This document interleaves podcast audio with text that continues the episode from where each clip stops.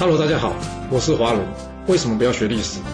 因为学历史会让你了解到顶层阶级的思考方式，成为他们的竞争者，所以他不希望你去学。还有学历史会让你看到许多前人成功及失败的案例，你的竞争对手想要好好的睡个觉，所以他也不希望你去学。最重要的是，学历史会让你了解人性，你的老板以及同事都希望你保持天真的心，所以他们更不希望你去学。就是因为这些原因，接下来我要跟你说的是故事，而不是历史。今天的主题是“唇亡齿寒”，你应该这样解读。我相信你一定听过“唇亡齿寒”这句成语。这个成语故事的出处呢，是在讲春秋时期，晋国旁边有两个小国，一个是虞国，一个是虢国。两个国家呢，本来是坚实的同盟，但是后来啊，因为这虞国国君贪图晋国的宝物。竟然出卖了自己的同盟国国国，最后导致国国被这个晋国给灭了。而就在这国国被消灭不久之后呢，这虞国呢也随之被这个晋国给灭了。当然了，这原先晋国送出去给这国国国君的宝物，最后又再次回到晋国的手中了。很多人从这个成语学到的是什么？不要出卖朋友。但是可能很少人有注意到，其实他要教你的不只是不要出卖你的朋友。而是不要出卖任何可以保护你的人，这个人包括你的敌人。其实国与国、公司与公司，或是同事与同事之间，本来时常就存在着既竞争又合作的关系。所以你要如何能清清楚楚的区别敌人或是朋友，这是有一定难度的。在一件事情上呢，你们可能是朋友；而在另外一件事情上呢，你们可能又变成了竞争对手。由于许多人被教育啊。认为不是朋友就是敌人，他认为对于敌人的意见，我一定是一概不赞同，甚至要打击他；但是对于朋友的意见呢，是毫无保留的支持。真的是这样吗？其实真的很多人是这么想的。要不你去看看每次竞选活动吧，台下那些热情的选民，有几个真的搞清楚他所支持的候选人到底有哪些政见？当选民被教育成或是操纵成不是我支持的政党。不管他的政见或是候选人人品如何，我都不会支持他。这时候选举的标准变成了什么？是选哪个党，而不是选哪个人，更不是选哪个政见对你有利。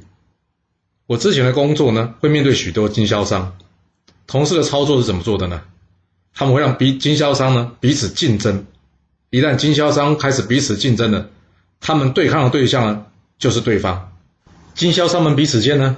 会想尽办法打倒对方，而不是上层管理他的原厂。到了最后呢，这些自以为得到原厂支持的经销商们呢，其实可能只是原厂业务囤积新商品的仓库。其实这结果还算好的嘞，因为这个可能还有赚到钱。比较惨的是啊，钱没赚到，还得罪了一堆同业。原厂的特殊折扣或是特殊的经销商等级奖励，其实不就像是晋国给虞国的宝物一样吗？虞国的国君呢？他不聪明就在于他连朋友都出卖，但是那是当时啊，谁知道几年之后这国国会不会变成他的敌国呢？要是国国变成了敌国，难道虞国就可以出卖他吗？要是你听过我之前说过那个桃花夫人的故事啊，你就会知道，这齐国跟蔡国交恶，齐国引进了楚国呢，想要灭掉蔡国，不过最后呢，蔡国没被灭，被灭的反而是齐国自己。其实楚国一开始呢，根本不敢打任何一方啊，担心什么？这齐国、蔡国会联手，楚国就没有胜算。但没想到呢，他们自己呢跑出来跟楚国说说：“哎，你帮我打另外一个国家。”那你说楚国开不开心呢？所以这楚国呢，马上协助这齐国呢去修理蔡国，之后呢，又在蔡国的煽动下呢灭了齐国。你看这两国虽然是竞争，但是他们能陷害彼此吗？不行呢。难道这个就没有唇亡齿寒的问题吗？其实也有啊。其实这就是我要说的，两个国家啊，就算不是朋友，你也不见得能出卖他哎。千万不要抱着非黑即白的观念呐，行动之前一定要想清楚，这样做对你有什么好处或是利益？